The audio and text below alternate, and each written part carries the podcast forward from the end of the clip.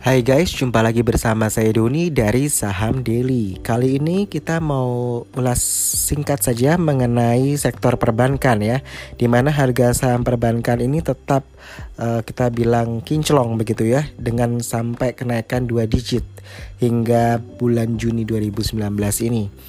Kalau kita lihat semenjak akhir tahun 2018 kemarin, indeks keuangan atau finance di Bursa Efek Indonesia ini sudah melaju sampai 11% ya kenaikannya.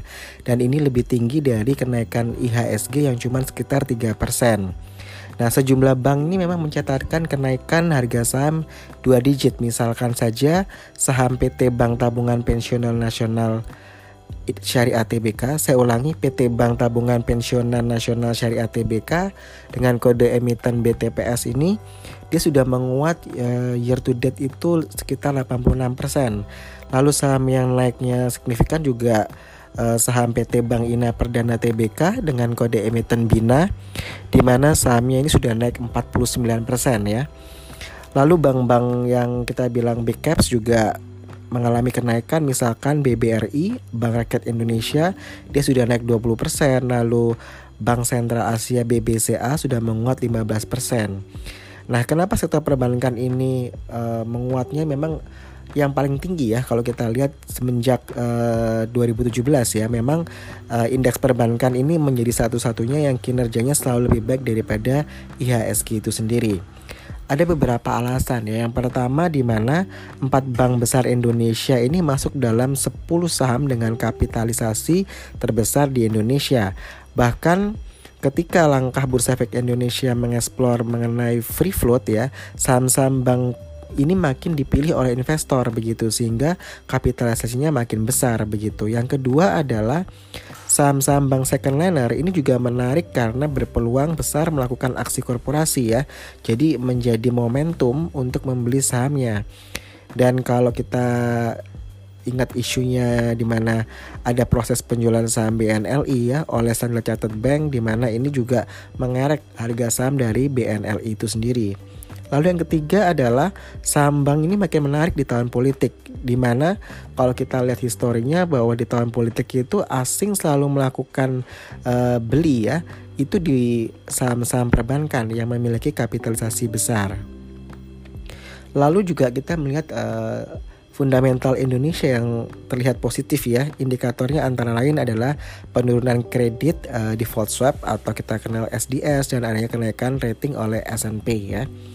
Nah, bank lapis kedua ini kalau kita lihat memang uh, sangat bertumbuh begitu ya sehingga memang second liner ini uh, bukan second liner ya tapi kan ada buku bank 4 1, 3 2 1 ya.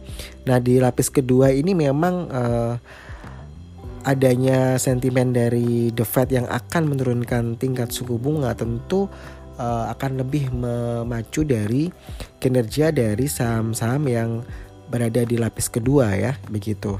Saham-saham bank second liner atau lapis kedua ini uh, memang kalau kita lihat di mana harganya itu ada beberapa yang harganya berada di atas harga wajar. Misalnya kalau kita mau lihat ya uh, pernya BBRI itu kan 16 kali sedangkan saham Bina itu yang merupakan second liner dia pernya 511 kali sedangkan BCA itu 28 kali Sedangkan kalau kita bandingkan dengan sektor bank itu cuma 15,1 kali ya dia punya per begitu. Lalu kalau kita e, berdasarkan valuasi ya, yang masih menarik memang BNLI ya, di mana dia pernya cuma 14,54 kali. Tadi saya e, sempat sebutkan bahwa rata-rata industri itu industri perbankan itu pernya di 15,1 begitu. Jadi kalau kita lihat bahwa uh, yang tadi menyambung Bina tadi, walaupun Bina ini valuasinya sudah sangat mahal, namun dia masih bisa potensi naik hingga sampai 1140 atau 1200-an begitu ya. Jadi memang kalau kita lihat kemarin si Bina ini dia naik 1,52 persen ya, seperti itu sehingga memang uh, saham-saham second liner ini memang ya cukup menarik ya untuk di uh, amati begitu. Kalau memang teman-teman memutuskan akhirnya untuk membeli di saham-saham yang second liner begitu ya.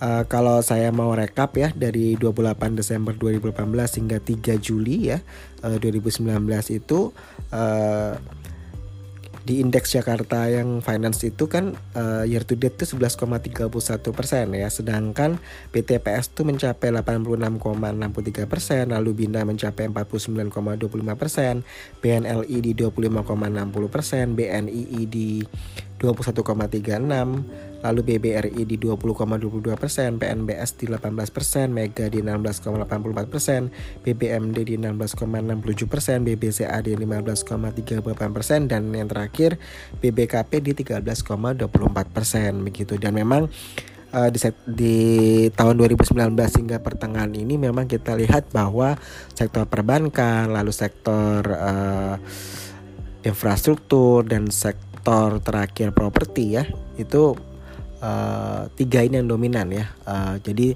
nanti kita akan lihat juga ketika 17 Agustus presiden biasanya uh, sebelum 17 Agustus ya 16 Agustus mungkin uh, beliau ada menyampaikan uh, speech di DPR itu kita akan lihat ya uh, apakah ada hal baru yang akan disampaikan oleh Pak Jokowi uh, sehingga kita akan lebih jelas melihat arah uh, pembangunan lima tahun ke depan seperti apa begitu ya. Oke, saya Doni dari Sam Daily out.